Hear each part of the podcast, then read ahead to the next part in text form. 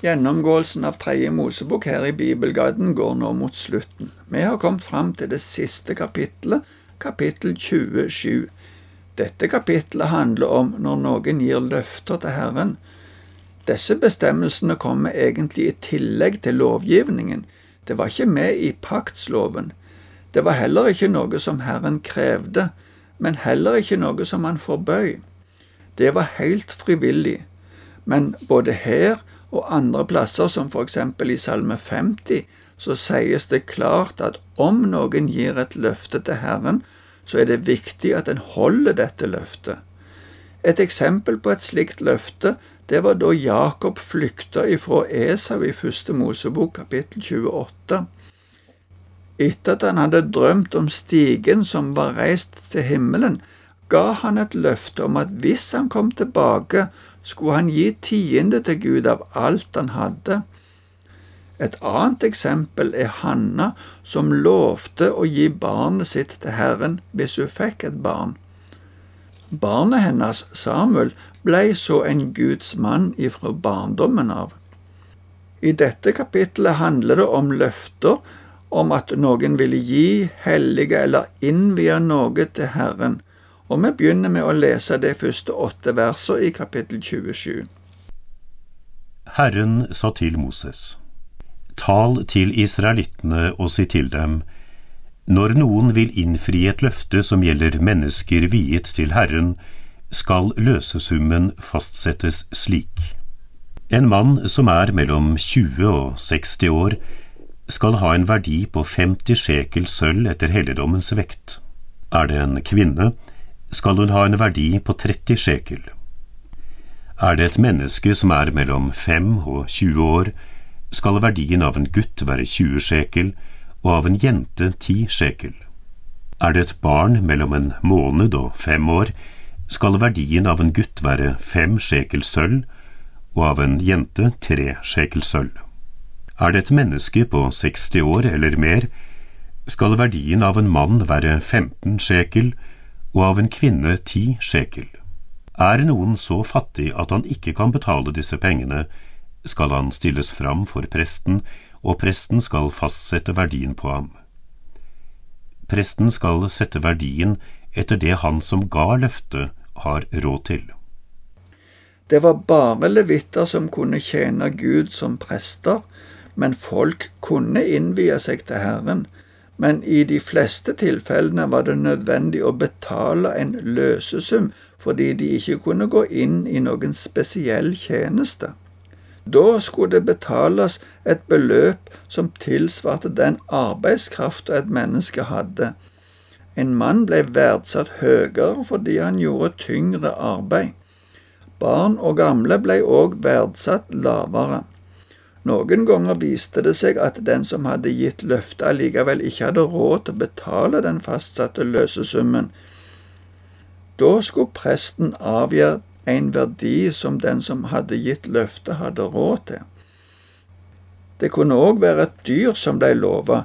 Det står det om i de neste versene, fra vers 9 til 13. Gjelder løftet slike dyr som kan ofres til Herren, skal alt en gir av dem være hellig. En må ikke erstatte det eller bytte det ut med et annet dyr, verken et godt dyr med et dårlig eller et dårlig med et godt. Skulle en likevel bytte et dyr med et annet, skal både dyret som byttes ut og det andre regnes for hellige. Gjelder løftet urent dyr, et av dem som ikke kan ofres til Herren, skal det føres fram for presten og presten skal verdsette det etter det som det er, godt eller dårlig. Den verdi som presten fastsetter, skal det ha. Men skulle eieren ønske å innløse det, skal han legge en femtedel til verdien. Det var ikke lov å først love noe og så etterpå angre det. Hadde en lova å gi et dyr som kunne ofres, så var en forplikta på å gi dette dyret men hvis det gjaldt et dyr som ikke kunne brukes som offer, så skulle dette verdsettes av presten, og så skulle eieren løse det ut med et tillegg på en femtedel. Den samme regelen med et tillegg på 20% gjaldt også om det var et hus som ble via eller lova til Herren. Det står det om i versene fra 14 til 15. Når noen vier huset sitt som en helligdom til Herren, skal presten fastsette verdien på det, enten det er godt eller dårlig. Den verdien som presten fastsetter, skal gjelde. Vil den som har helliget huset sitt innløse det, skal han betale en femtedel mer enn det er verdsatt til. Da blir det hans. Tidligere har vi sett at i prinsippet er det Herren som eier jorda, og det menneskene eier på jorda, er bare frukta av den.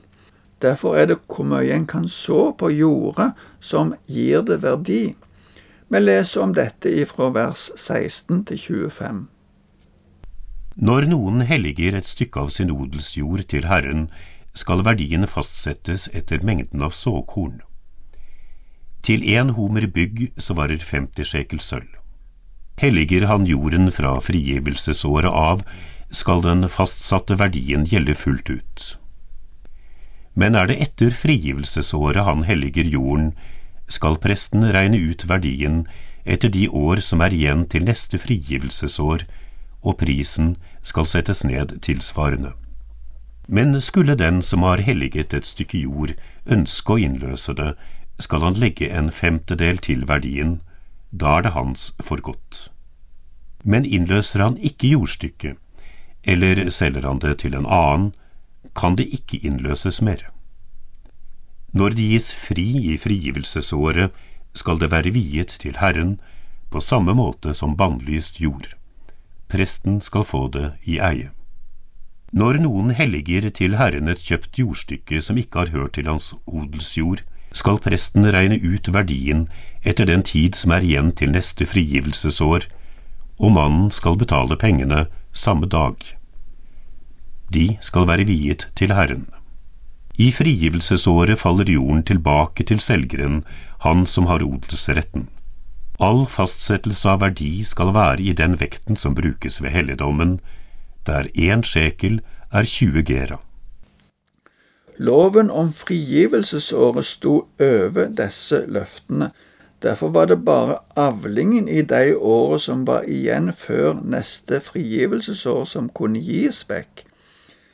Antagelig ble avlingen gitt år for år, hvis en ønsker å løse det inn før jubelåret eller frigivelsesåret, som jo var hvert femtiende år, og dermed kunne være lenge til, så måtte en legge til 20% av verdien. Når det gjaldt dyr, som vi så på tidligere, kommer det et unntak i versene som kommer ifra vers 26 til 29. Førstefødte dyr i buskapen må ingen hellige. Som førstefødte hører de Herren til. Enten det er storfe eller småfe, hører de Herren til. Er det urene dyr, skal en løse dem inn etter verdien og legge til en femtedel. Blir de ikke innløst, skal de selges for verdien. Når en mann vier noe av alt det han eier, til Herren som bannlyst gods, enten det er folk eller fe eller odelsjord, da må det ikke selges eller innløses. Alt som er bannlyst, er høyhellig og hører Herren til. Et menneske som er bannlyst, kan ikke innløses. Det skal dø. Dyr som var førstefødte, kunne ikke helliges Herren på den måten som vi har sett på tidligere kapitler, for de var allerede hellige Herren og måtte enten ofres eller løses inn etter loven. Så sies det òg noe om at hvis noe er bannlyst, så kan det ikke vies til Herren. Det siste punktet som blir tatt med her, er tienden av innhøstningen. Vi leser resten av kapitlet fra vers 30 til 34. All tiende i landet, både av grøden på marken og av frukten på trærne, hører Herren til den er viet til Herren. Men skulle noen ønske å løse inn noe av tienden, skal han legge til en femtedel. All tiende av storfe og småfe, av alt som går under gjeterens stav, hvert tiende dyr, skal være viet til Herren. En skal ikke se etter om det er godt eller dårlig, og ikke bytte det. Men skulle det likevel bli byttet i et annet, skal både dyret som byttes ut og det andre være hellige. De kan ikke løses inn. Dette er de bud til israelittene som Herren ga Moses på Sinai-fjellet. For de som bodde langt borte fra helligdommen, var det antagelig lettere å løse inn avlingen og bringe pengene til helligdommen. Når det gjaldt dyra, skulle gjeteren plukke ut hvert tiende dyr, uavhengig om det var stort eller lite, godt eller dårlig. Det skulle vies til Herren. Det var ikke mulig å bytte dyr. Gud er en ordensgud. Uorden og unøyaktighet er alltid imot Herrens vilje. Selv om Tredje Mosebok var gitt til et gammelt folk i en annen kultur, og ikke er bindende i detaljer for moderne truende, så har Tredje Mosebok allikevel mye å lære en Kristi etterfølger.